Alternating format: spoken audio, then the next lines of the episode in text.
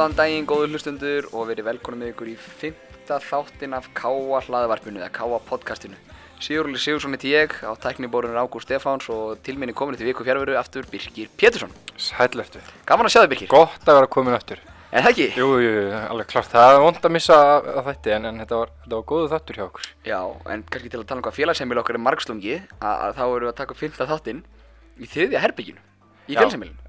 Við hefum verið, já, einmitt, Við erum í átnástofununa, fallegt útsýnið hérna. já, klárlega og hérna skemmtilegt herbyggi, náttúrulega skýrt í höfuð á Átna Jóhannssoni fyrir um uh, formanni félagsins sem lést uh, langt fyrir aldur fram. Því miður, því miður, já. En, en það er góður andi í herbygginu. Það er klart mál. klárlega reynda finna örgulega einhver skammi fyrir að segja skýra, ég er alveg vissum að ég bara skýra börn, Herbyggi er örgulega nefnt Já. eftir honum, ég byrst afsökunar ef ég móðgæði einhvern. En það er skemmtilega þáttu framöndan hjá okkur og hann verður að mestu leiti helgaður fótbolta, komur reyndar aðeins inn á, inn á félagafund, félagsfund sem var bóðaður og, og, og hérna kynum hann að spettur á eftir. En, en við ætlum kannski bara að ríða væðið og segja frá því helsta í liðinni viku. Og þar ber hæst helgin. Uh, Það var ekki eitt mót á vegum K um helgina. Það voru ekki tvö mót á vegum K um helgina. Það voru þrjú mót, íþróttamót á vegum K um helgina. Vorum með badmintonmót í naustaskóla sem gekk vist alveg frábælega keppmyndu vísverðaða landinu og, og náttúrulega badminton var lengi vel eða badminton og tennis sem náttúrulega lengi vel voru einu einstaklingsgreinar innan K en judo er nú komið núna á einu einstaklingsgrein uh, Það var knattspyrnumót, fótboltamót fyrir yngstu yðgænar í bóganum og þá sem sóttu gríðarlega margir Mhm. og síðan vorum við með handboltamót fyrir sjötta flokk eldra ár, Karla og Kvenna Ká og Þór heldur saman í var spilað í Íþróttahöllin á Káamilinu Já, maður fann það alveg um helgina hvað það var mikið, mikið líf hérna í kring. Sjálfur var ég í bónum á, á síðasta stefnumóti, og það, heitir mótið.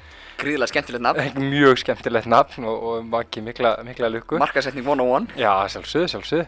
Og hérna, og, og það gekk mjög vel. Allir, uh, allir keppundur þar skemmtu sér vel. Og, og hérna, og ég hef býst við því að það hafi nú verið slítið sama upp á tenningnum, hvort sem það var í nöstaskóla eða, eða, eða á handbóltamótinu. nákvæmlega og það verður að rósa það er svo gaman fyrst mér að skipulæðin á stefnumótunum þegar þeir byrjað og endað á sama tíma Já, þetta er eiginlega, maður er búinn að sjá þetta núna, þetta er svona fór að gerast síðustu ár að, að þetta er miklu einfaldar að halda, halda takti Halda þegar sketsu, það er já. bara einhver sem að er bara í svo kallar kallkerfinu og kallar bara þetta er og nú skulum við byrja og þá þannig er það miklu einfaldar að, halda þessum tíma og veist, veist hvar þú hefur þetta því að krakkarnir sem eru að keppa líka þeir hafa ekkert endalösa þólinmæði fyrir að ef eitthvað fer úrskeiðis Já. Þannig að þetta er, þetta er, þetta er mjög gott. Þetta er líka bara þægildi upp á það maður getur sagt við ömmu og afa að drengurinn eða stúlkan á leik klukkan þetta, þetta og Nákvæmlega. þetta. Nákvæmlega. Bara alveg magnað og, hrós til uh, hérna, þeirra sem að sjálfbúða liða náttúrulega langstærstu leiti sem kom að þessum mótum hjá okkur. Þetta er alltaf, alltaf skemmtilegt. Uh, síðan náttúrulega var Þór Ká að spila í gæðir á móti HK Viking Já, og, og unnu þann leik 3-0 og við ætlum að fá Söndru Maru Jessen til okkur í spjallað eftir. Við komum kannski aðeins be- betur á það að góð byrjun á dildinu á þeim. Mjög svo, mjög svo. Byrjaði þetta með uh, tvö, uh, hvað, 5-0 sigur og svo 3-0, ekki búin að fá á sig mark með fullt úr stiga og, og, og kannski fyrir utan hennan fyrirháleika móti HK Viking búið að vera mjög sannfærandi spilamennska hjá þeim, allavega að, að mér finnst, þannig að það hefur gaman að heyra hvað hún Sandra hefur að segja um þessa byrjun og, og bara hennar ævintýri þennan vetur. engin spurning og svo náttúrulega sem að er, er ekki kannski jafn skemmtilegt er þessi leikur Ká á móti fylki og sunnudaginn síðastar sem tapaðist 2-1 í, í eigilsvöldinni og e, kannski annan leikin í svona Káa ekki alveg á tánum frá upphæði Nei, þetta er svona, ég, ég fannst, við heyrðum svo góða setningu, hvort það var ekki á, á hérna, í Akarborginu, þetta væri svona, þetta eru svona ótúfalegar, ef það má orðið komast, byrjanir á leikjunum að, að vera komin, komin undir, að annars vera eftir hvað einhverja 80-90 sekundur og svo eftir 5 mínútur eða 6 mínútur eins og, eins og var hérna móti fylki og, og þannig að leikurinn bar það svolítið með sér að, og báði leikinnir við, við erum alltaf að elda, við náum aldrei einhvern veginn þessu, þessari stjórn Já, sem að við kannski viljum aðeins gera og eins og, eins og einhver sagði hérna fyrir mótið eins og var þetta káa í fyrra að hefði, hefði bara verið spilaður fyrri hálfleikurinn þá hefði káa verið Íslandsmeistara Já. Og það, við erum einhvern veginn ekki að ná þessu, þessu fram núna og hérna en, en þeir, þeir reyndu sitt besta þarna í setni hálfleika var allt annað að sjá til þeirra dóminir þá. miklu, miklu og síndu svona það sem að býr í þeim þá. Og, og hérna ég, ég hef alveg fulla trú að því að okkar maður Túfa sé nú búinn að liggja vel yfir þessu og, og, og þetta kom ekki allavega ekki aftur fyrir í bráða við séum að fara að byrja svona Þá er bara komið líka næsta leik hjá okkur, hann er bara núna á lögadaginn á heimavelli loksins. loksins, loksins heimalegur Við erum og- eina, eina liði í pepstildin frá eftirspila heimaleik. Já, já, það er, og það verður gott að fá heimaleiki núna eftir, eftir þessa tvo leiki sem hafa ekki, eins og segir, ekki gengið næla vel, það veldi sé mikilvægt að komast, komast heim og, og hérna, og ná upp svolítið góðu stemmingu hér á heimavelli og, og góðum stuðningi því að þetta, þetta verður ekkert auðvöldu leikur. Nei, og, og eins og allir okkar viðmælendur hafa talað um í undanfærtum þáttum og, og, og, og að stemmingin og, og, og stuðningunum við liðið skiptir miklu gríðilega miklu máli. Já, alveg klárlega og, og maður er alveg búinn að sjá það í, í, í hérna bara allir umræðum deildina núna þessar þessa fyrstu tvær umferðir að, að, að þar, þar fer svolítið mikil, mikil umræða og mikil púður í umræðu um umgjörð og um stemmingu og við viljum klárlega að taka þátt og, og, og halda áfram að þróast þar og ég hef nú ekki hýrt annað en bara það að, að það verði, það verði mikið fjör á Akureyravelli á, á lögadaginn. Búið að senka leiknum til fjögur, hann átti að uppalega vera tvö. Já. Ég held að hjálpi bara til að fá fleira á vellin jafnvel. Já, já, ég held það og gefur fólki kost að mæta bara, við þurfum bara að fara að breyta nefnilega einu, við þurfum að fara að mæta fyrr. Það er hjartalega samla að gera svolítið dag úr þessu og nú held ég að að káa og svona bara held ég öllu liðanum í pepstildinni sé að vinna start og stöð til því að gera miklu meiri viðburð úr leiknum, ekki bara 90 mínútur af fótbolta, Nei, heldur gera þetta að hálfum degi fyrir Nákvæmlega. fjölskylduna eða, eða einstak- einstaklingin. þetta sé ekki bara, þetta er ekki bara fótballleikur, þetta er bara, já, þetta er eitthvað, þetta, þetta, er, þetta er meiri viðburður, þetta er eitthvað meiri þú, þetta er ekki bara 90 mínútunar pluss plus hálfleikurinn, við eigum að koma og, og njóta þess að hérna, vera alltaf bara saman og, og, og og, og finna hvernig stemmingin magnast upp. Þetta, þetta verður allt miklu meira og þetta verður, ef ég á að segja, svolítið miklu skemmtilegra heldur en að, mæta bara þarna fimm minntum fyrir leik, jafnvel eins og sannur Íslendingur kannski fimm minntum eftir að Já, já. byrjar.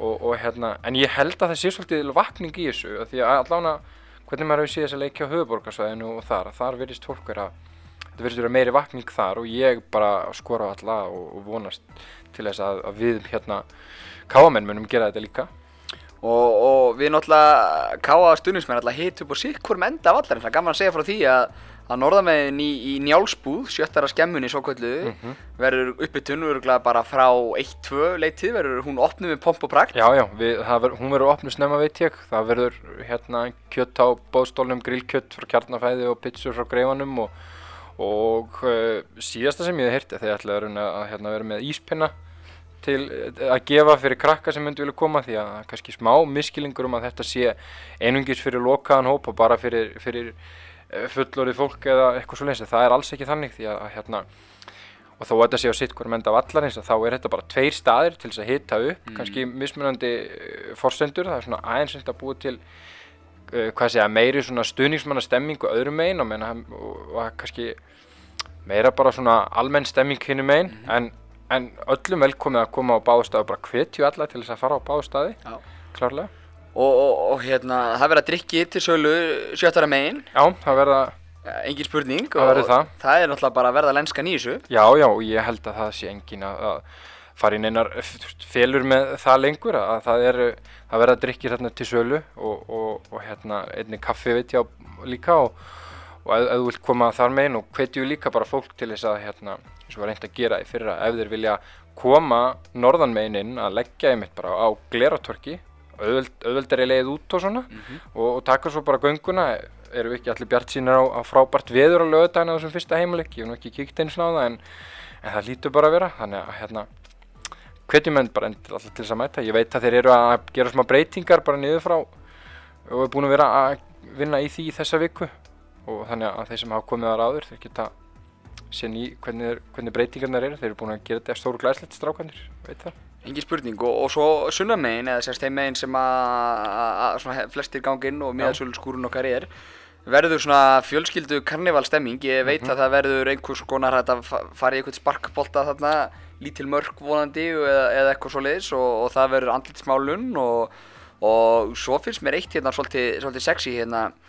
Klukkutíma og korteri fyrir leik mun liði mæta á svæðið og það verður þetta að taka mynda sem er strákonum svona að koma um völlin þetta er svona pínu útlandarstemming að að geta hérna, tekið mynda sér með headshotinu sínu sem verða þarna eins og káaðin og orðið frækt og jakkafötum og, og, og, og mjög gaman, það verður líka uh, svona lottópínu, það verður semast allir sem koma, krakkar á aldurum 6-15 ára geta fengið númer á hendina. Og síðan rétt fyrir hálfleik þá verður semast kallað upp uh, númer sem voru dregin út og þau númer sem verða valin taka þátt í sláarkeppni í hálfleik ok. svo sem vinnur sláarkeppnina fær árið til að treyja frá liðinu Já, þannig að um að gera mæta, mæta snemma og, og fá, fá númer fyrir lottóið fyrir alla krakka. Þetta verður, engin spurning og, og, og ef einhver er að hugsa út í mat á miðun lögadega þá ver, veit ég að það verða, verða til sölu bæði hambúrgarar og, og svo alltaf lemon að vera með okkur líka þannig að það verður nóg fyrir alla að, að, hérna, að koma og, og, og, og mæta snemma og taka þátt í gleðinni með okkur og ekki bara, og náttúrulega líka bara það að, undistrykka í raun og veru eins og segið, þörfina á því að, að styðja liðið og, og byggja upp þessa stemmingu og, og hérna, því að við þurfum, við þurfum klárlega á því að halda og liðið þarf klárlega á því að halda því að þó að virðist oft vera og oft er það bara þannig að lemskan þegar að illa gengur þá kannski fækkar aðeins, aðeins stundismönnum en, en þegar að móti blæs þá er það þá sem að skipti máli. Að skipti máli þannig að, að hérna að endilega allir að mæta lögut en ég held að fólk hafi ekkert betra að gera heldur en að fara á góðan, góðan knastbynduleik og bara klæða sér til veðri. Að sjálfsögum, menna við búum á Íslandi nákvæmlega, það eiga allir úlpu sko. Það er allir úlpu eða, eða ef þess þarf snjóbuksur sko, og, og þú voru það bara stránkæðilegu stífulinn ef, ef það er ofblöytt sko. þetta á ekki að vera vandamál. Það er bara svoleiðis. Og, og þá er kannski komið tíma bara að taka fyrsta gestin okkar og hann er, hann er ekki ennum síma. Við ætlum að bjalla í, í Magnús Már Einarsson, rítstjóri fótbolta.net og ræða hans við hann um sumari sem er framöndan Magnús Már Einarsson, rítstjóri fótbolta.net velkomin í spjall við Káa podcasti, gaman að heyri þér. Já, takkilega og gaman að vera mættir að borða. Til fyrirmyndar að vera konum í podcasti, ánægum þetta. Takk fyrir það. Herri, nú er Pepsi-deildin komin á stað og það náttúrulega fer ekki vanhlutan af ykkar umfjöldan á .net sem er náttúrulega að mínum að til risa þáttur í því hversu góð mæting hefur verið á fyrstu umfyrirnar Hvernig finnst þér þetta að fara á stað svona fótbolltalega síðan? Herði, mér finnst það bara að hafa farið nokkuð vel að stað. Fyrsta öfri var, var hérna mjög góð og svo kannski spilaði veður ástæður annað inn í aðeins í annan öfrinni. Mhm. en, en þetta er búið að vera bara mjög gott. Ég held að þessi byrjun, byrjun lóði góða fyrir sumari og nú bara er vanlega að halda dampi og, og missið ekki niður í krigum HM. En, en jú, ég held að líka spilamennskinn það bara verið ákvæmt og, og þegar vellinni verða betur núna með vorunum þá er þetta bara að það betra. Og það er náttúrulega alltaf þessi endalösa umræðan vellina uh, og það verður mjög fróðald að sjá hver fjölmjölu umræðan verður eftir leikin hérna á lögadaginn KHIBVF því að Akureyravöllur hefur oft verið fallegri. Já, ég er eins og kattublugarður. Já sko, Víkin er, að, sko, nú kallt mat bara hérna og nú nokkur dag til stefnu en kallt mat þegar Víkin er bara eins og nú kamp við hliðina sko. það er svolítið, já, já, já það, það verður áhugað að sjá og hérna og, og það er alltaf lítið annað sem þið getur gert að spila hana og hérna og, og, og hérna það verður bara áhugað að sjá hvernig það kemur út en, en hérna skulum vonalega með ná að spila sem besta bolta og það er nú margt gert á nokkur döguleik í veðrinu bara hendið upp sól og, reyna að rætta þessu Já. það er þannig í bóði Við erum reynda þekkti fyrir það fyrir norðan að geta kallað sóluna fram þegar okkur langar til. Nákvæmlega, þannig að það er bara eina vittur núna að koma þessi gáðan en, en ég vona að þó að það koma þessi eitt svona leikur í, í byrjun þá verður það bara að hafa það en, en, en svona næstu leikur þára þessi ætti nú að vera komin Mm. mm. miklu betri mynd á þetta þannig að það er vonandi að, að það gangi vel Nákvæmlega. Uh, Maggi, ég hitti því í Egilsvöllinni þegar Káa spila mútið fjölni á, á fyrsta leiknum og, og það var svona, hvað ég segja, það var svona uh, skemmtilegu fótbolltaleikur, sérstaklega fyriráleikurinn. Hvernig leist þér á þetta? Já, mér finnst mér á það, ég er hérna samanlega, það var fyrirleikum að gegja það, það var bara sótt end-to-end eins og maður segir, það var bara sótt að báða bóða og bæðið hérna blóðið sóknar, svo datt allir bótt út úr í fyrirleik og með voru þrettir og, og liðin svona læstu leikum svolítið, en hérna, en það, mér var svolítið sam, sammerkið báðum, ég svona líka káleikina á sunnundagina móti, móti fylki og ég, mér finnst sammerkið í báðum að káleikið bara mætti ekki til leiks, Ah. svona fyrsta, fyrsta kortir svona bara í báleikjunum og ef lengur móti fylki þá, þá var káleikið bara ekki með og það er svona ákveð ákjörni, veit ég held að fyrir, fyrir sumarið að, að hérna, hvað mér er lengi kveikja á sig. Já, þetta er, þetta er svona, ég manni hvort ég hef sagt það við því þarna, þetta var svo ótúfalegt eitthvað að fá sem gefa mörki upp af leikja. Já, nákvæmlega, nákvæmlega, og þetta er svona, og ekki er að fara á þessu sittur í mönnum, þegar mann hafa verið að fara, fara fleira á stað og, og, og allt til alls, þannig að þetta er svona, já, skrítið að maður sé ekki gíða þeirri þetta. Og sérstaklega í fyrsta leik Íslamóti að, hérna, menn bara mætti ekki að vera til kortir og, og það kostaði að sitja móti, móti fjölni, þetta káði hann jafnveg ekki unnið hann leik að það hefði svona byrjað almennilega. Já. og það sá móti fylki ef að káði hefði spilað fyrirháleikin eins og setni, þá, hérna, þá var spilað fyrir miklu betri sinnháleik, þannig að það er nú alltaf að skila stíð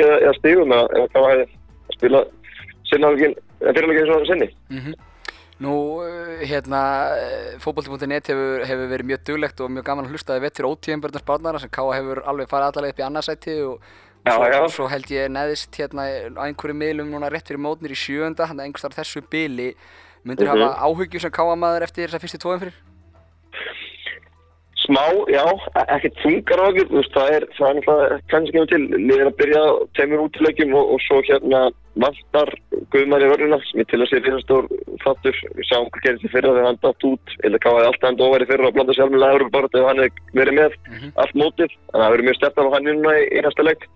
Og, og svo náttúrulega er líka að vanta vinstibakurinn, Milan Jóksífovits og óviskan hann kemur tilbaka en, en, en það vinstur öllulega að og Steinfjörður er líka búin að vera meittur þannig að það er svona vant aðeins í, í liðið. Og ég held að ég held þetta eigi eftir að, að vaksa hjá, hjá Káa en, en ég segja saman og ég sagði í vor að mér Káa vant að einn leikmann í fremstu fjóra stöðunar til að gera alveg allir að einhverju tónbaratu eða eurobaratu mér finnst finnst vant að mann þar og, og, og Emil líka alveg fór og skarðan sem ekki verið fyllt. Alma Almarsson fór líka og, og hann var náttúrulega frábæra á miðinni í fyrra. Akkurat. og það sem ég finnst uh, mér finnst þessi miðji Artjank, Engum og, og alls að þínu sitt ekki vera virkan og vel. Þeir eru svolítið líkið þess með þeir báðu líka það sterkir en, en það er nú lítið í kringum það Mhm. og, og svona, og mér finnst svo- svona þunglamalegt þannig að ég, ég, ég mér finnst alltaf að hafa annað þær inn á en, en mér finnst ekki passa vel saman. Og ég myndi eins og Daniel Hafstesson fara að einnig stöðu neðar og vera við hliðin öðru hverju þeirra í svona bókst-og-bókslutverki og svona taka stöðu alma sinni þeirra og, og fá nýja mann í tíu það. Steinborg gæti náttúrulega að spila þar ef, að- ef hann væri heill Já. en ég tel ekki eh, algjörlega hann er meittur og er búin að vera mikið meittur líka í fyrra að mér finnst alltaf að bæta við einu manni í þessa fremstu vílinu og, og, og geta það aðeins rótera meira þar og, og haft meiri svona húka fram á því það kom alltaf meðsla leipun og, og, og það þarf að vera öllu búin og ég held að þetta væri góðlæstur káð ef það er hægt að finna ykkur penning fyrir norðan þá er gluggi lokar á þriðudaginn að að kaupa einn manni í fremstu vílinu Það er akkurat svoleiðis þetta, þetta, þetta hérna, harmonar svolítið vel við úttækt sem að ég las einhver staðar í dag um að Káa hefði notað senast flesta nýja leikmenn á, á, á, á tíðanbílinu. Það væri, þú hafi búin að tefna fram fimm leikmenn sem engar einslu höfðu á eftir deild. Það er svona skrít, Já. skríti kannski fyrir lið sem er ekki nýlegar.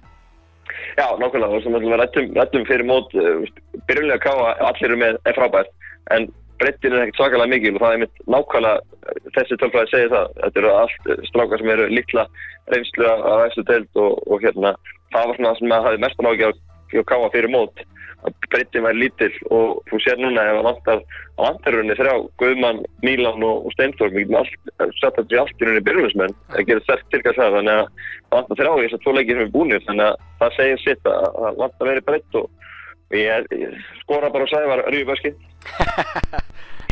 Já, Sæfa með sitt veski, en, en þetta er samt svona, hérna, svona fyrir svona hinn almenna Káamann.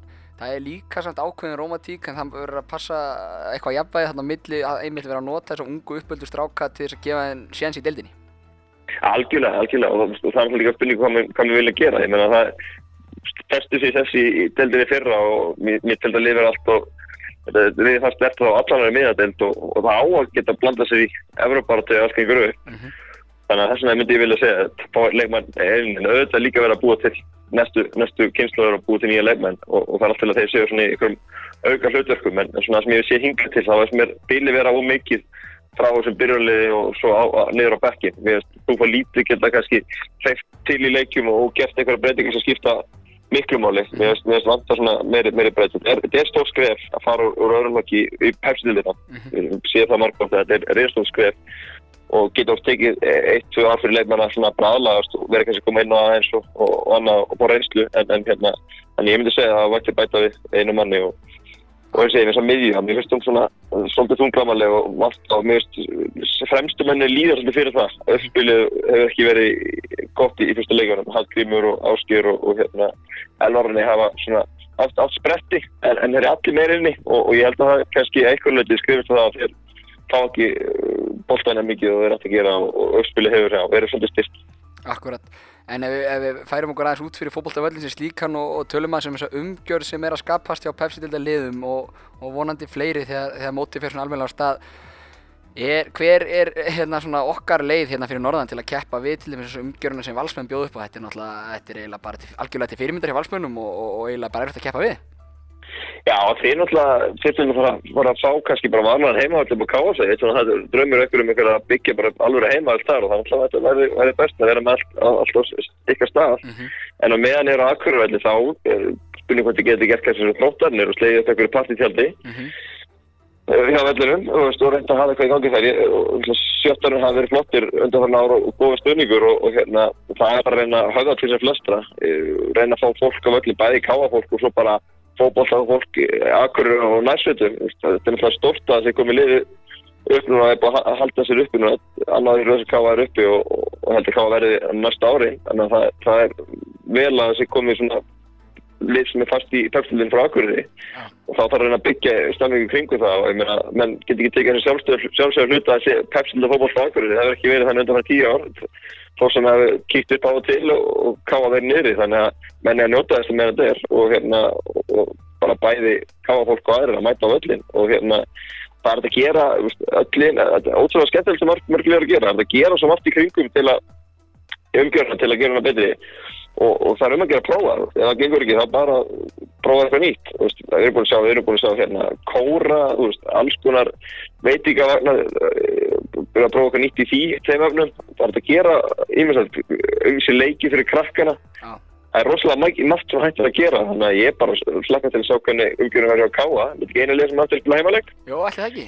Jó, held það. Þannig að það verður spennandi að sjá hvernig það verður lögðan. Laka til að sjá hvort að þið komið eitthvað, eitthvað nýtt sem engin annar er komið með áður. Já, ég get allavega sagt hér í trúnaði sem að síðan allir hlusta á hérna þegar podcasti kemur út að, að, að við vorum að spá í að gefa kandifloss fyrir leikinn en veðurspáin segir okkur það að við ætlum að gefa frekka kakó og kleinur bara Já, mér finnst það. Ég get það, ég það, finnst það er líka hérna bara við, við að spjalla þá. Ég get þetta aftur líka verið með, með kandilós skinn eins fyrir leikunum tindastóli á, á lögðan. Þannig að það, að það, það mátið ykkur. Náðu, náðum við undan það. Við ætla ekki á lögðan. Já, vel gert En, en Maggi, hvað segja svona sérfræðingar núna þegar mótið fara á staðið mitt uh, verður þetta dóminerandi hjá Val þú veist, þeir eru náttúrulega búin að tapa strax tveimur stigum uh, eða verður þetta miklu meira jafnar heldur en menn kannski spáðu fyrir mót Eh, Það segir svolítið stóra sögu að það eru öllin komið stig og eittlið með fullt hús. Það er svona, svo, svolítið svona sumar sem törum fyrir upp. Það getur allt gert í þessu og ég, ég er að vona að þetta verði jaft og spennandi. Valsarnir uh, náttúrulega er óknar sterkir á heimaðalli, séð ekki það mikið að stigu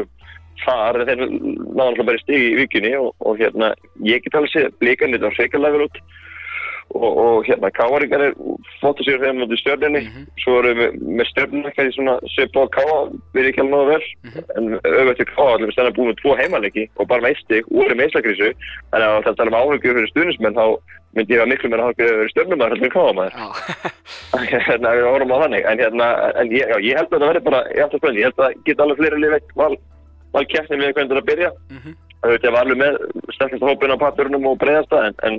ég en, pappirinn er aldrei unni, unni neitt og, og, það er kunst líka að verja titil það er miklu erfið aldrei að sækja þannig að ég- öll lið vilja vinna val í sumar. Það er svona liðið sem fólk önnur lið vilja vinna. Þannig að ég, ég held að þetta verði ekkit auðvelt fyrir það ég, ég held að þetta getur bara hörku kemni Já, ég tek undir þetta með þér, einmitt, það er þetta, það vilja allir vinna okkur, við fengum þetta svolítið á okkur innkast á 2015 þegar, þegar við byrjuðum með Pepsi í 16 hashtaggi sko, að þá komum náttúrulega öll liðin hérna alveg sko 112% inn í hvern einasta leik og við áttum í vöka verjast oft á tíðum á móti liðum bara sem fór út á geðveikinu og stemmingunni sko. Já, við tökum mútið huginn og segja sér um hann svo fjall sér, Já, akkurat, þannig til að já, það var mjög skemmtilegu leikur, ég gleymir endar aldrei útsendingun á K.A.T. sem var varpað á bílnum að Skústa Stefáns.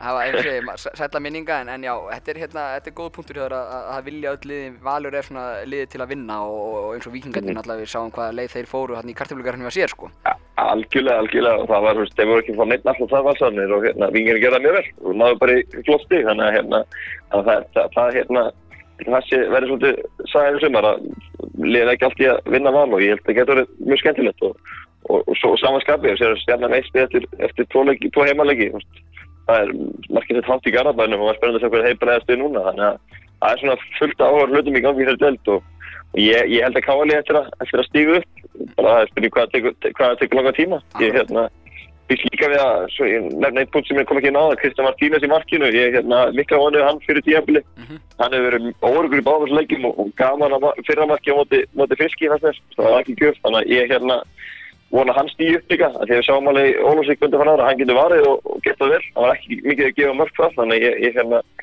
er vona að hann stíu líka upp þegar að koma út á grassi, hann skal ekki fíla sig inn í höllinu. Akkurat. Þetta er, þetta er, þetta eru góð punktamaggi og, og við hérna í K.A. podcastinu bara þakka að kælaða fyrir, fyrir spjallið og, og hérna og tökum sérstaklega vel á mótið og kemur norður á, á leiki í sumar. Það voru sérstök stúka fyrir þig. Takk fyrir það, kella. Herðu, við verðum í bandi. Takk, takk. Gera, Þökkum Magnúsi kærlega fyrir spjallið, því líka gæða piltur sem að Magnús er ekki bara rítstjóri fótbolta.net heldur líka leikmaður afturöldingar í knastbyrnu og ég er ekki frá því að hann hafi bara verið í þessu hugins liði sem hann talaði um í spjallinu sem vann káa á Seyðisfirði. Já, kannski var hann árið áður, já. Já, ég held það, mér minnir hann hafi verið í afturöldingu þá. Já, Talaði mikið um bylgjulesta ferðina sem hann var að fara í það árið annari dildinni ferðaðist vítt og breytt um landi. já. En það er næsti gestur á dagskrafhaugur er Sandra Mara Eyjasen og hún er að detta hérna í hús til okkar og við erum mjög fróðilegt að heyra í söndru en það martrið var hennar dagar på síkasti. Já, það vantar ekki góðu gesturinn til okkur í Káa hlaðarpi. Hingaði komin landsliðskonan og fyrirlið Þórká í knastbyndu Sandra Maria Jessen. Verður velkomin Sandra. Takk fyrir það. Gaman að fá þig og, og hérna, velkomin heim til Íslands aftur. Þú varst í Tjekklandi að- spila þar og við ætlum að byrja að spyrja þig hvernig væri Tjekklandi og, og, og, og hvernig gekk? Heyrðu, þetta var bara rosalega skemmtilegt æventýri sem ég er rosalega ánað að ákveðið að fara í. Þetta kom, kom hugmyndum þetta bara fljótlega eftir tímabili í sum, síðasta sumar og hérna, mér leist bara vel á að gera eitthvað nýtt. Fínt fyrir mig og fyrir alla leikmenn sem bara fara eitthvað annað að fá nýtt áreiti og bara þurfa að sanna upp á nýtt. Þannig að ég ákveða að skella mér út og ég sé svo sannlega ekki eftir í núna. Búin að fá hellingsreynslu bæði bara í tjeknusku deildinni og síðan í meistaradeildinni auðvitað. Að ég held að ég hafi persónulega grætt að því, bæði fótballtalega sé og síðan er bara, já, gaman að lifa í annari menningu. Styrkleik hérna úti með við svona íslensku deildina og bara, þú veist það sem þú ert vönn. Sko, ég myndi segja að efstu tvö þrjúliðin væru svona aðeins betri en það íslensku og síðan restin af deildin er svona eins og miðlungsliði Pepsi, þannig að þetta er aðeins öðri síðan hérna heima. Það er svona nokkri leiki sem maður veit að þegar maður fer í það og að maður er frá að vinna og en aðri leiki sem eru mjög krafjandi, þannig að þetta er bara svona bland öðri sem maður er vanur. Og, og náttúrulega meistaradeildar upplifun hlýtur að hafa verið geggjuð. Þið spilum náttúrulega mútið Sörubjörg og, og, og, þú veist, var þetta ekki störla? Þetta er bara eitt af skemmtilegast sem ég hef gert sko. Það er ekki, ekki sjálfsagða hlutur að fá að spila hérna í meistarhildinni hvað það í áttalega úrslitum og frábært að hafa dreigist á móti jafn sterku liði og Wolfsburg er og ég held að liðið allt hafi verið mjög spennt fyrir þessu og bara klúburinn allur. Það var búið að gera rosalega flott í kringum þetta og hérna gert mikið úr þessu sem gerði það ennþá skemmtilegra og við stelpunar bara já, grætum allar á þessu, náttúrulega þvílík reynsla sem við fáum. Hvernig var umgjörðin í kringum leiki hjá þeim? Uh, kringum leiki almennt bara þá. Já, bara svona almennt, kannski ekki Sko- akkurat í þessum einu meistaradeildleikum, get ég Við- myndi að það hefði verið mjög gott samt. Við Íslendingar getum alveg verið stolt af okkar umgjörð og við erum að taka rosa stórt skrif hérna heima og ég held að það sé jafnvel ennþá betra hérna heima en út í Tjekklandi en, Ok, en aftur á móti er það alveg líka, það er líka góð umgjörð og það, er, það eru farin við töl fyrir leiki og gert uh, myndbönd og svona klippur úr leikjum. En það hérna var fín mæting á leiki líka og það var alltaf gert mikla stemningu kringum þetta allt saman. Og hérna kannski eina sem hefði vantað upp á var að fá fleiri leiki sem var sýndir á netinu eins og Þór og Káa er að standa sér mjög vel í núna. Þannig að það er svona eina sem maður getur kannski bent á Þetta er annaðar veturinn í röða sem þú ferði. Varst í bæinn Leverkusen í veturinn þar á undan. Hvernig, þar, hvernig var þetta svona samanborðið við bæinn Leverkusen? Ég var alltaf í Leifikursum 2016 Já, og hérna það er alltaf bara besta deild í heimi held ég, þíska deildin og það var rosalega, rosalega stórt æventýri uh, öðruvísi náttúrulega uh, ég spilaði ekki í meistadeildinni þar því ég var með Leifikursinn en ég spilaði fullt af hörku leikjum það var allir leikir erfiðir þegar ég var þar þannig að þetta var svolítið, þetta var öðruvísi æventýri og það sem alltaf heitlaði mig mest við að fara til Tjekklands var sjálfsögðu meistadeildin en hérna það sem að kannski Tjekkland hefur yfir allavega Ísland myndi ég segja bara svona, í- já, svipað kannski er Þýskaland er tæknin. Það er rosalega teknískar að núti og leggja mjög mikið upp á leikskipulag og hérna, já eru bara mjög góðar með boltan þegar þær eru að láta senda á milli sín og svona halda boltanum. En við, þú nú kannski vöðið að ferða svolítið milli Akkur og Reykjavíkur og, og, og, hérna með Þór Káa. En þú varst nú ekkert rosalega mikið bara í Tjekklandi þannig. Var ekki bölvað ferðalag á þér allan hennar tíma? Herri, ég held ég hafi nú næstu verið meira einhverstaðar annar staðar heldur en í Tjekklandi það var liði ekki nema tvær vikur sem að maður var eitthvað heima áður en maður fór eitthvað með liðinu eða með landsliðinu ég fór í ég held þrjár landsliðsverðir og síðan fór ég til uh, Póllands með Slavia liðinu og síðan fór ég í meistradeildran til Þýskalands og síðan fórum við að heimingaferð þannig að ég held að það hafi verið já, hverjar sex uttalansverðir sem ég fór á þessum tíma sem alltaf bara geggja eða partur af fótboltanum að fá að ferðast svona mikið þannig að það er bara forréttindi líka Það er, er ekkert SBA í Tjekklandi. Nei, En kannski áður en að við yfirgefum, yfirgefum Tjekkland, hvernig fannst þér samt landið og, og, og borgin? sko ég hérna var mestmagnis bara í Prag þegar ég var í Tjekklandi en þegar við stelpunar í landsliðinu fórum og spilum við þar hérna í- fyrir jóli fyrra Mhm. þá, þá vorum við á einhverju minnistað og það er alveg svart og hvítt höfuborgin og, og landið og eins og ég segi, þetta landi kannski ekki komið alveg jafn langt og við í menningu og hérna tækni og öllu svoleiðis og en ég held samt að Prag sé svona á svipum staðu við en þetta er borg sem er virkilega falleg og ég myndi mæla með hverju sem er að fara hann í heimsókn, þetta er virkilega fallega staður Uh, frábært. Nú er sísoni komið á stað. Það eru tvei leikir búnir í Pepstil hvenna og, og, og, og við erum með fullt hús stiga.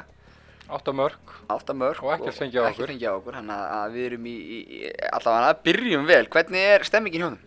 Stemningin í hópnum er bara mjög góð. Það er bara hérna, fyrsta sem ég tók eftir því ég kom heim frá Tjekklandi var bara geggju stemning þegar ég mætti á leikinu móti hérna, IBF í meistari meistarana og, og það er náttúrulega það sem er að gefa okkur ekstra alltaf, gefa okkur hérna, þessi stig, bara þessi liðs barátta, þessi liðs seild og gleði og hérna, já, þetta er bara gefur okkur rosalega mikið í öllum leikjum.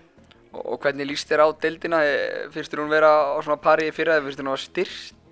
Sko fyrirfram áður en sem verið hóst þá held ég að þetta erði mjög jöfn deild og leikinni var kannski ekki að fara rosalega hátt en síðan fyrstu tvær umferðunar hafa sanna að það er að koma mjög mikið að mörgum í, hérna, í þessa leiki og, og, deild, nei, og lið í deildinni er greinlega yfirburðar svona nokkuð lið sem eru yfirburðar og eru að vinna hátt það er kannski svona andstæði það sem er búið að gera síðust ár deildin er búin að jafnast út.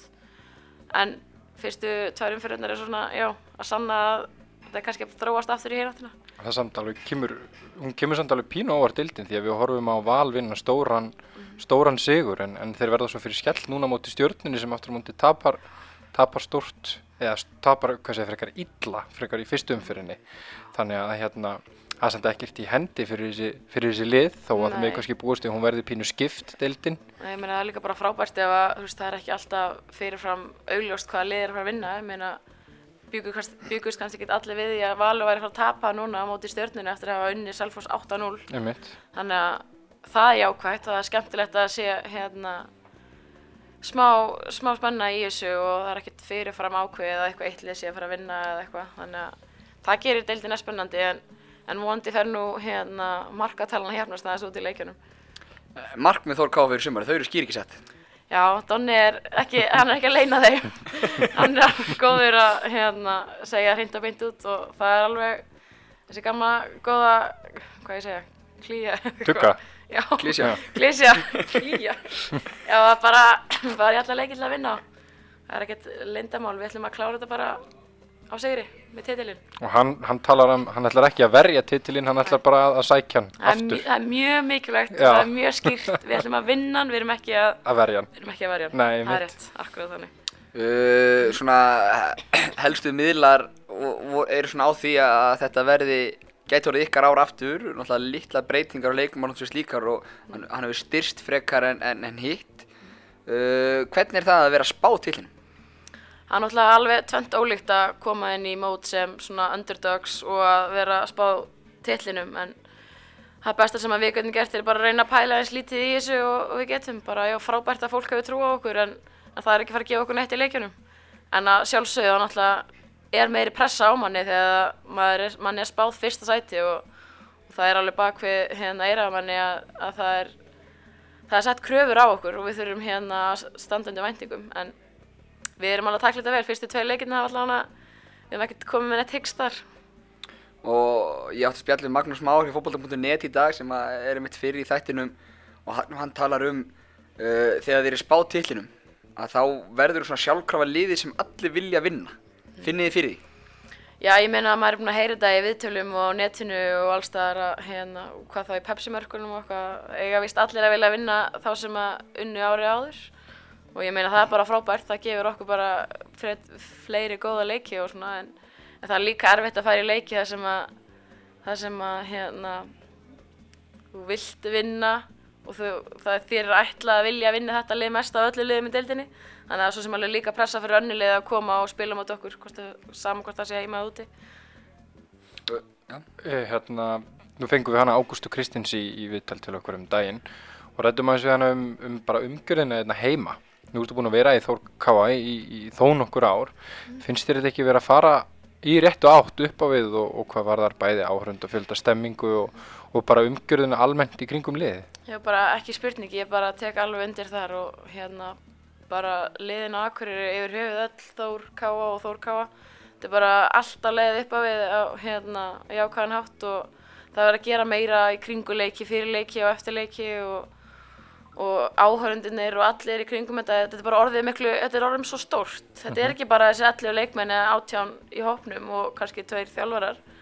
Þetta er orðið svona hérna bæjar íþrótt, bæjar stolt. Mm Þannig að, og já, eins og ég segi, bara umgjörðin í kringum þetta er mjög góð. Það er, það er lítið þetta kvarta, já. getur verið þannig. Ég voru nú bara rétt að hann að leika mitt við HK Viking þar sem að bógin var eiginlega bara smekk fullur og sama tíma fyrir tveimur árum þá hefðu við nú ekki séð, vorum við ekki að sjá þessar áhörönda tölur sko, eins og þarna.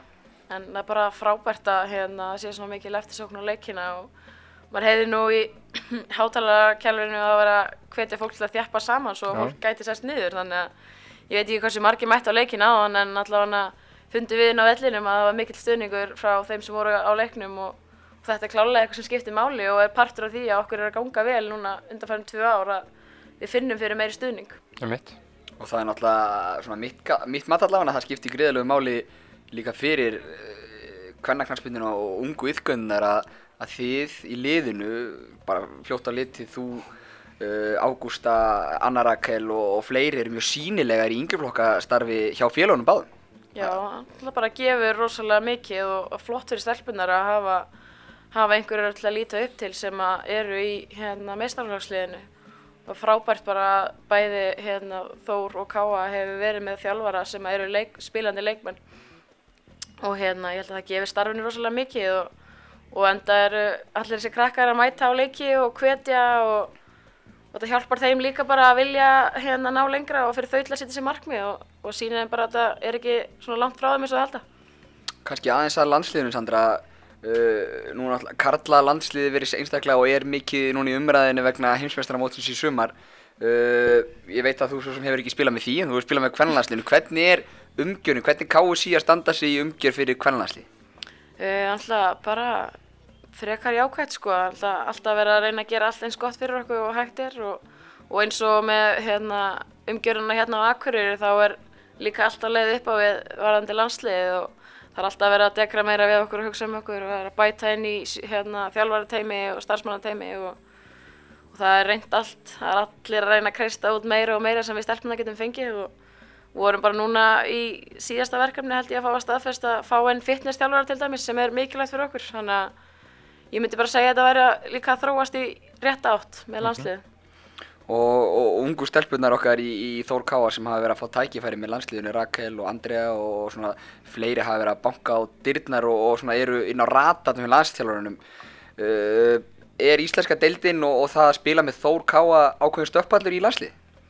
Já, sjálfsögðu, ég meina ef að liðið er að standa sig vel og þá er vantilega leikmann að standa sig vel og þá, þá fer landsliðstjálfarinn að fylgjast með að horfa og þegar leikmann er að standa sig vel og eins og til dæmis Anna Rakel og Andri eru búin að gera þá, þá hlýtur tækifæri einhvern tímann að koma og það, þær fengu tækifæri og nýttu það vel og þær eru áns, sko, já, þær eru alveg 100% inn í hugmyndinni, inn í hugmyndinni, inn í myndinni hjá Freysa upp á landsliðsval og svona í framtíðinni þannig að ég held að það sé það sé bara spennandi suma framöndan og hérna, þær eru að banka dyrna þar. Mér finnst þetta geggja að við séum að tala svona við Söndur eins og hún sé sko 35 ára gammal reynslu Já, nákvæmlega. og hún sé að tala um kjú, kjúklingana í, í liðinu sko. Sandra, þú ert ekki, ekki gömul og átt mörg góðar eftir þessu. Nei, ég er nú hérna orðin eina af eldri, eða eldri í landsliðinu, ég, þegar við skiptum í eldri yngri í skotkeppnum æfingu með landsliðinu, er ég eldri, þannig að ég er alveg orðin gömul, en, en vonandi á nóg eftir. Talandi nú um, um, um kjúklingana, nú eh, hérna, gerði annar flokkurinn átti mjög gott mót í fyrra og hafa væntalega svolítið mikið verið að banka upp á dyrnar hjá ykkur uh, í bara mistaraflokknum. Finnur er ekki mikil ákæð og barata á öllum æfingum um þessar stöður því að þetta eru náttúrulega frábæra stelpur, mjög efnilegar allar þarna sem voru í því, voru í því liði. Jú, náttúrulega gefur okkur rosalega mikið að hafa jafn sterkan og öflugan annar flokku að vera með og þetta er náttúrulega undirstæðan að því að við erum með svona gott lið og hérna kringu þetta myndast bara samkeppni sem að er holl fyrir alla leikmenn og hérna í vetur, hvað, í desember eitthvað ákvað Donni að hafa starri æfingahóp hjá okkur í meistarflokki og hérna tók margar inn sem hafa voru að fá kannski sensin í fyrsta skipti stóðu sig vel og hann var búinn að tala um að hann ætlaði að kötta hópin en síðan átti hann bara erfiðleikum með að gera það sem að stelpunir voru að standa sig vel og, og núna hérna fyrir sumarið ákveðu þau í stjórninni á Þórkáa að, að hafa bara eitt lið í öðrum flokki. Og svona stelpunar sem hafa kannski verið að fá mestu ábyrðina og svona í öðrum flokki fara þá yfir í hamrana. Já, og munu spila með þeim í sumar sem bara frábært, það er náttúrulega rosa sterk deild þar. Og, og hérna síðan verðum við með eitt öflutlið í öðrum flokki sem er vonandi nær svipið með árangur við fyrir sem Já. var náttúrulega frábær. Það verður mjög spennandi að fylgjast með hömrunum líka í, í sumar. Þar eru fullt af, fullt af efnilegum ungum stelpum sem að gætu farið um þetta banka á dyrnar hjá ykkur. það er ekki spurning, það er rosalega gott að vita mörgum stelpum sem að eru hérna að standa sig vel í hömrunum og ég veit að það er gott samstarf þar á milli hjá Donna og Natalie og þeim sem eru að þjálfa. Og hérna þetta er gert þannig að ef að einhver meðsli koma fyrir hjá Þórkáa eða einhver er að standa sig yfirborðið vel með hömrunum þá getum við kallað þær yfir þannig að þær eru að þurfa að halda áfram að sína sig og sanna Nákvæmlega. og þær muni á nef að gefa það Gaman að geta skúpað inn í þettinum að, að Hamrandi munu öllu líkindi spila meiri hluta heimaleikjum sínum á káasvæðinu sumar. Já, það er bara jákvæmt bara það er mjög ekkert nema jákvætt. Uh, Sandra, kannski svona á lokum áður en að við förum að segja þetta gott. Uh, eitthvað fyrir svona áhöröndir nú eru, þú veist, það er gríðarlega peppaði bærin bara í heilsinni fyrir sumrunni á Þorká. Hvað, hérna, hvað viltu segja við fólki sem á eftir að er að, er að pæla að mæta völlin, er að, er að spáði fjárfyrst í ásmiða, hversu mikilvægt er þetta? Þetta er bara eitt af mikilvægsta sem að, hérna, við þurfum við stelpunar og ef það er eitthvað sem að gýrar okkur í, í, leikin, í leikina bara yfir höfuð þá er það að sjá alla í stúkunni og heyra í öllum vera að hvetja mann áfram og, og það er ekki ástæða lausu sem að okkur gekk vel í fyrra og fengum nú velun fyrir bestu stuðnismenn fyrir hlutan, setni hlutan og allt árið. Þetta var bara stór partur af árangrinum í fyrra og við vonum og ég vil hvetja alla til þess að gera það sama og betur ef hægt er bara mæta á völlin, hvetja okkur og hérna styðja okkur, kaupa ársmið og svona það sem að já, þetta er eitthvað sem að gefa manni rosalega mikið inn á völlin Sandra, takk kærlega fyrir komuna í K.A. Hlaðarpið og gangur á framvel. Takk fyrir Skemmtilegu viðmældum, Sandra. Já, hérna veginn bara strax með hugunum að þessi er svo mikill reynslu bolti þrátt fyrir ungan aldur, það er alveg ótrúlegt Hún er fætt 1995 sko. Já, ég veit að það er satt eins og hún eigi bara að vera 35 Já. þannig á, með við sko allt sem að hún er búin að upplifa og gera hann á vellinum það er- búin að slíta krossbund tvísvar og þú veist bara, veist, það er allt búið að gerast. Og að hún- gerast. Hún samt bestu árun eftir að ferðinu. Klárlega og ég held sér bara upp á því hjá henni Uh, næsti leikurinn stelpunum er einmitt í Vestmannaum á sunnundaginn á móti byggamestur Víbjöf og það verður hörku barátta á Hásteinsvelli. Klárlega, það vonandi að, að þau fái aðeins betra viður heldur en síðasti leikur sem ég sá á Hásteinsvelli ha, en, en hérna, það er verið að halda þessu góða gengi áfram Þetta er bara, hérna, þessi Hásteinsvellur og völlurinn í Grinda og og svona, þetta er veðra vít á þessu tíðum. Já, já, þetta, en meina eins og einhver sagði við búum á Íslandi, við verðum, að, við verðum bara að, að vinna með þetta Hvað vittlisingur segði það? Já, það var eitthvað einhver hann í Pepsi-mörkunum Ég held að það verið landslýstjálfari hvernig Freyr Alexandersson En uh, úr einu í annað, það er segjast þessi félagsfundur sem er búið að bóða til næstkomandi miðvikudag, 16. mæ, klukkan kortir yfir 5. Það settur á þann tíma að fólk getur einlega bara komið beint og vinnu hérna upp í K.A.heimili. Og ég veit strax veit, vekja aðtekla á því að stefnan er að því að, að- að fundurinn verði niður í Íþróttasal. Því að við búumst í fjölmenni. Já, ég held að vera alveg þörf á því þetta. Ég allavega hef ekki heyrt annað en að fólk ætli, á því káminn sé það ekki ætla að fjölmenna á þennan fund og sína þannig stuðning við, við þetta góða málefni sem að þar verður rætt. Auðlýsingin fyrir fundin fór í gangi gera á Facebook og ég hveti allar til að finna viðburinn uh, og melda sig í viðburinn til að láta minna sig á hann síðan þegar kemur að hann. Náttúrulega tæp vika í, í fundin en það er einmitt svo gríðarlega mikilvægt á tímum sem þessum að káa sem við nú ætt rætt í fyrri þáttum káa fjölskyldan Já, já. þjappi sér svolítið saman því að þetta varðar ekkert bara þessa hörðustu eða sjálfbóðlegan sem starfa fyrir félag þetta hreinlega varðar alla sem búa bara á brekkunni Já, já, og þá sem að e, hvort sem þeir eru með yðgöndu núna eða munu koma til af einhver tíman að vera með yðgöndu hjá Káa í öllum okkar íþróttum sem við höfum að, hérna, að þetta bara, og, eins og við munum kannski fara betur en þetta er mikið bara æskulís og forvarnar gildi líka í því að byggja hér upp bara svæðið okkar og, og gera félagin stert og það getur orðið til þess að halda áfram því, því frábæra starfi sem að, að hér er að, að eiga sér stað og er bara búið að, að vera alltaf, alltaf starra og betra með bara síðustu árum. Og, og nú er ráð uh, stutt í kostningar og, og, og svona uppsveifla, hagvöxtur í Já, landinu, já. svo ég noti orð sem að mér er alltaf gaman að heyra, hagvöxtur. En til þess að koma og spjalla við okkur um þennan félagsfund, Káa, ætlum við að fá hérna til okkar uh, nýgrinda formann félagsins. Eins og aðra þætti er gestkvæmt hjá okkur í Káa hlaðarpunnu til okkar er komin uh, formaður Káa, Ingvar Már Gíslason, velkomin Ingvar. Þakka þér. Uh, fyrsta lagi kannski bara til hamingju með kjörin sem formaður Káa, það eru stór verkefni framöndan. Já, takk fyrir það. Jú, það eru mörg stór verkefni framöndan og það eru svona mikilvægi tímar í, í hjá Káa akkurat þessa dagana og næstu misserinn þannig að það er bara mjög spennandi að vera tekin við þessu embætti. Og við getum örgulega tekið heilan þátt og heila serju bara hreinlega um embætti sem að fylgi því að vera í, í aðalstjórn og formennsku fyrir félagins og káa. En ástæðan fyrir við fáum því hingað til okkar í dag er einmitt til að ræða þennan félagsfund, opna félagsfund sem hefur verið bóðaður á miðvíkudaginn 16. mæ kl. 17.15 í káa-heimilinu. Af hverju eru að bóða félagsfund? Já, það er nú kannski fyrst og fremst vegna þess að það er margt sem að brennur á okkur og okkur í aðalstjórninni eh, hefur fundist að, að það sem við erum að ræða þar um bæði uppbyggingu félagsins og eins er ekstra umhverfið að það eigi, það, það, það eigi heima meðal félagsmanna að káa þess að við viljum koma því á framfæri hvernig, hvað við erum að hugsa til framtíðar bara um uppbygginguna hér á svæðinu og það sé ekki eitthvað sem er inn í, lokuðu rými e, aðalstjórnar á, á fundum. Og síðan höfum við eh, ekki verið alveg nóg ánægð með hvernig rekstrar um hverfi káa er og íþróttafélag kannski almennt. Og okkur finnst þau málefni líka eiga heima eh, félagsmanna káa og mikilvægt að menn mæti og, og hlusti og fái upplýsingar um, um hvernig framtíðin lítur út. Og þegar þú segir framtíðin þá náttúrulega ertu vantilega að vísa til þess að hér á upp á veggjum hafa hangið nú nokkur skeið ákveðna hugmyndir um, um, um framtíðar uppbyggingu á káasvæðinu. Getur þú einhvern meginn líst í hvað hva, hva við sjáum fyrir okkur, hvað hva við erum að pæla eins og til dæmis með Akureyravöll? Jú, mikið rétt. Eh, Við höfum sérst verið með starfandi framtíðanemnd í all eh, langan tíma. Ég held að ég fari rétt með að það er, er rúmlega ár síðan að, að framtíðanemndin var skipuð. Uh, hún hefur líka skilað af sér sínum hugmyndum fyrir tölvunni tíma síðan, uh, nánast halvu ári. Og þær hugmyndir uh, snúa því að öll okkar starfsemi verði hér á svæðinu, Viðdalsbrödd. Það er að segja við viljum byggja allt okkar starf upp hérna á brekkunni, leggja akkuröföll þar að leiðandi niður. Uh, við erum með jútadeldin okkar niður í lögagötu og við sjáum fyrir okkur að, jútóðu komi hingað upp eftir. Nú þær hugmyndir eru auðvitað mjög metnaðafullar en, en við erum að horfa til langs tíma, ef við getum talað, höfum talað um allavega 20 ára og það þýðir það að við sjáum fyrir okkur að vera með okkar aðal keppnisvöll og allt sem að því tilheyri, stúku og fleira í knastbyttunni.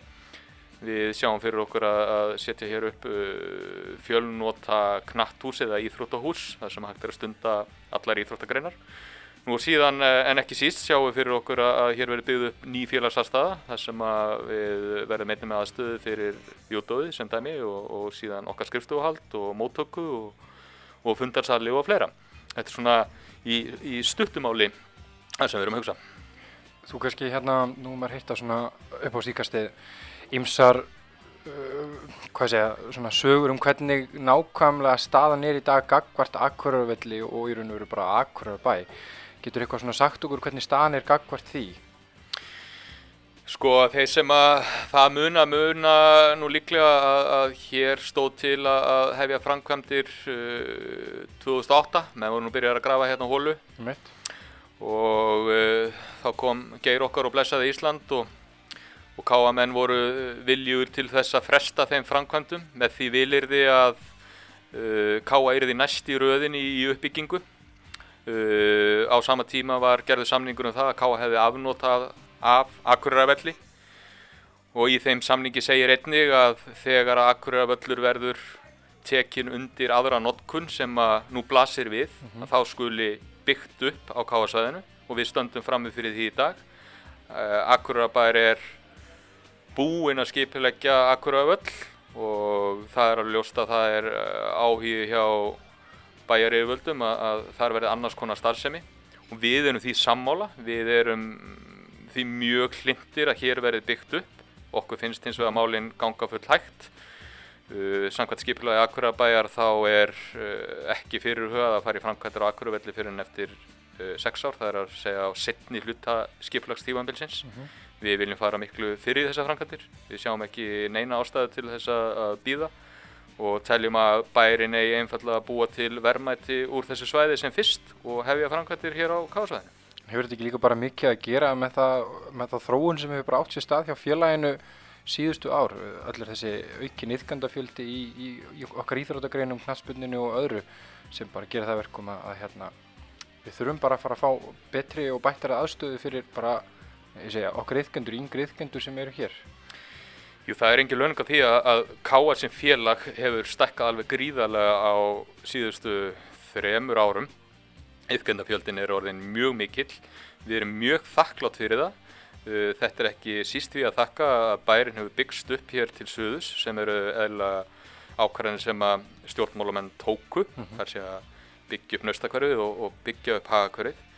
Uh, Það sem menn kannski sá ekki fyrir og, og hugsuðu líklega ekkit voðalega mikið út í að að þegar það fjölgar íbúum að þá þýðir það að það fjölgar í skólum og það fjölgar í leikskólum í hverfinu og það fjölgar hjá íþróttafjölunum líka. Og hér er, hefur ytkendafjöldi nánast tvöfaldast og uh, við finnum það að, að það er mikið ála á svæðið okkar, það er mikið ála á mannvirkin og alveg ljóst að aðstæðan sem við höfum í dag, hún er löngu, löngu sprungin. Já, já. Þetta er svo þú segir aðstæðan löngur sprungin og það kannski snýr þá að hinum þættinum sem að mun verða fyrirferða mikill á fundunum á miðvikudaginn að, að það er kannski eh, það sem að kannski hinn almenn hlustandi veit ekki káa sér um rekstur á mannvirkjunum fyrir Akureyra káa heimilin og gerðugarsvellin minn úti á Akureyra velli og, og rekstrar umhverju hefur ekki verið nægilega gott Sko, ég veit svo sem ekki alveg hvað er á að byrja í þessu samhengi en eðlilega þegar að félag stækkar að þá þýðir það að það fara mm, meiri fjármunir í reksturinn. Uh, Því ber þó að halda til haga að rekstur káa, hann er nefnilega er aðskilinn, það er að segja að við erum að tala um rekstur aðalstjórnar og síðan rekstur allra deildana sem við erum með, yngri flokka, bæði handbólta, fótbólta og blaggi og jútó.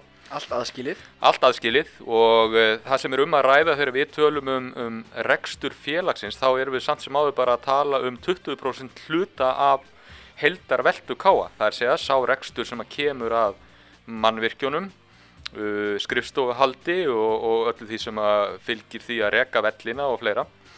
Uh, við erum með rekstrarsamning um þennan þátt við Akurabæ. Uh, sá samningur var uh, gerður upphaflega ég maður rétt 2011 og var síðan framlengdur árið 2013. Uh, það er svona rétt á þeim tíma þegar að félagi er að fara á stað í, þennan vöxt eins og við tölum um og uh, þeir peningar sem að fylgja þeim samningi þeir duga enga veginn til uh, þess að reka félagi eins og það lítur út í dag. Er að félagi hefur stækkað það mikið og, og það kostar meira að reka það.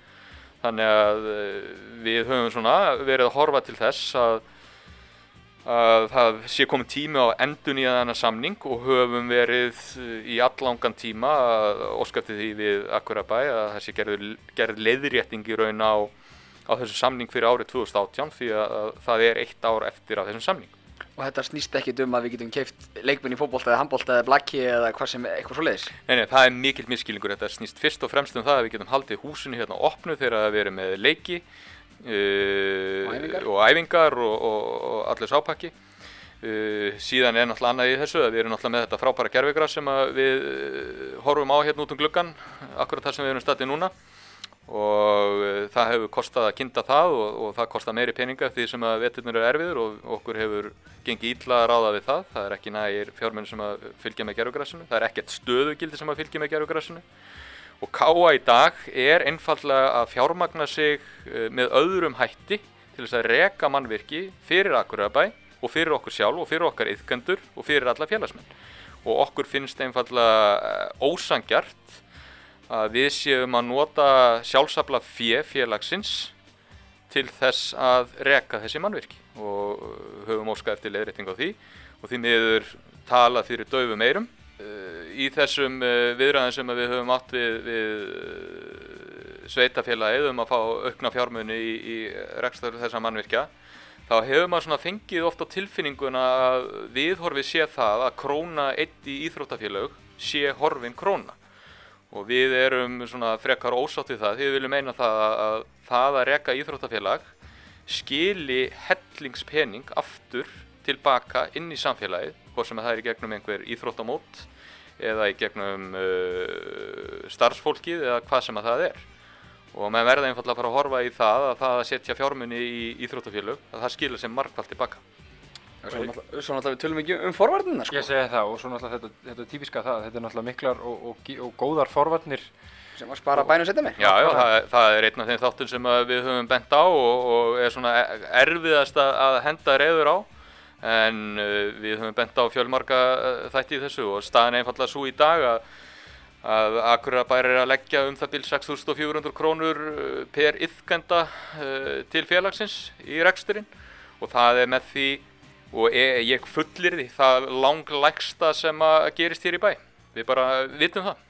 Uh, Yngvar, við ætlum ekki að, hérna, að staldra nýtt allt og lengi, við, við ætlum að, að hvetja fólk til að mæta á fundin á miðvikudaginn, en af hverju er svona mikilvægt, af hverju er að leggja svona mikið púður í þennan fund og við sem auðlýsan, af hverju er mikilvægt að káa fólk mæta á miðvikudaginn fyrir gefið til þess að hlusta og, og taka þátt? Sko fyrir það fyrsta þá hefur káa fólk uh, verið að kalla eftir því að við komum þessum upplýsingum á framfæri og uh, þetta er okkar leið til að gera það þannig að nú er tækifæri til að, fyrir káa fólk að koma, fá að, að spyrja okkur út í þessa framtíðar uh, hugmyndir okkar og eins uh, fá upplýsingar um hvernig rekstur um, umhverfi íþróttafélags eins og káa er og uh, ekki síst það að, að eftir því sem að káamenn eru betur upplýstir að þá geta þau aðstóð okkur í þessari baráttu. Akkurat, þetta eru fín lokaorð, Yngvar Gíslason, formað Káa, takk kærlega fyrir komuna í Káa Halafrið. Takk fyrir mig. Já, við þökkum okkar gestum kærlega fyrir komuna og, og hérna, það er ótrúlega gaman að standa að svona podcasti og það er svo auðvelt að fá viðmældur, allir svo jákvæður og tilbúin að koma. Já, alltaf, alltaf nóg um að vera. Þó að, þó að einhverjar íþróttagreinar séu komin í frí það er alltaf, alltaf nóg líf hérna hjá okkur. Þannig að alltaf eitthvað til að ræðum. Engi spurning og við erum náttúrulega búin að hlaupa yfir það helsta, náttúrulega þessi leikir framundan, heimaleikurinn á laugardaginn, stelpundan á sunnudaginn í eigum, félagsfundurinn á miðvikudaginn, nógum að vera. Nóg um að vera. Og, og svo náttúrulega minnum við okkar dyggu hlustundur á það að við erum loksins konur á iTunes undir Káa, uh, Káa podcastið ætti að duga til að finna okkur. Já, það er bara nóg að skrifa Ká. Nóg að skrifa Káa og mælum með að fólk uh, gerist áskrifendur, sjálfsögðu. Um að gera- subscribe ef svo við slettum. nákvæmlega. Um að gera og, fá, og helst náttúrulega fá tilkynningu líka þegar nýr þáttur kemur inn. Já. það er, það er alveg, alveg ekstra. Ekki er það verra. Að lokum vil ég að sjálfsögðu þakka Ágústi Stefánssoni og vennilega, hann er alltaf jafn geggjaður á, á takkabólinu og, og Birgir, uh, takk fyrir að vera með mér í þessu. Já takk sem liðis